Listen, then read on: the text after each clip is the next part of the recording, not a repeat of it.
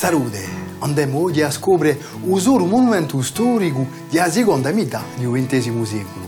Aiescia Notre-Dame de Victoire, in Bastia.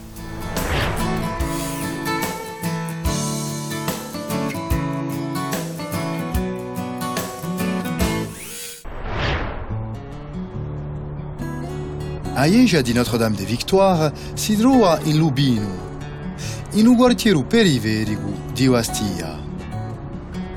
È stata edificata in 1969.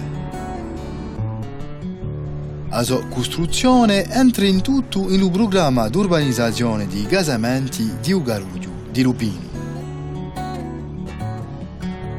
Di qui che negli anni 60, in tempo di esodo rurale e di mancanza d'alloggio, che nascono le prime, HLM.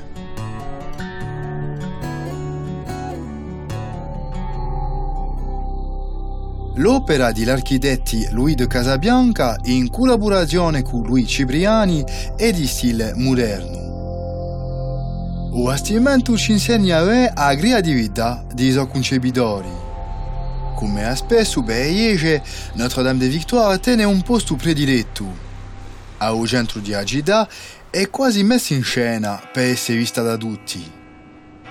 A Iege tiene un'identità forte e suo carattere monumentale con le forme tondule e in contrasto con le forme rettangolari di aree di casamenti di Rubino.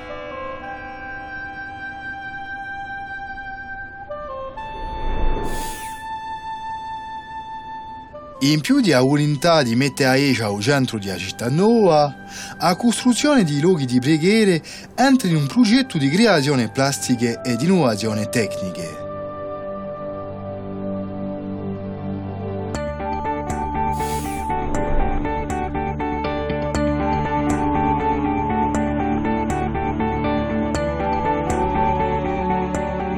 Al XX secolo l'evoluzione di Ugimento ha permesso novità nella tecnica di costruzione, per esempio in le forme.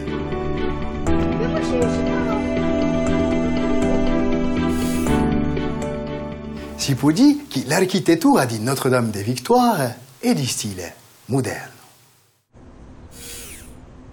Ma ora alle particolarità dell'architettura di Notre-Dame de Victoire.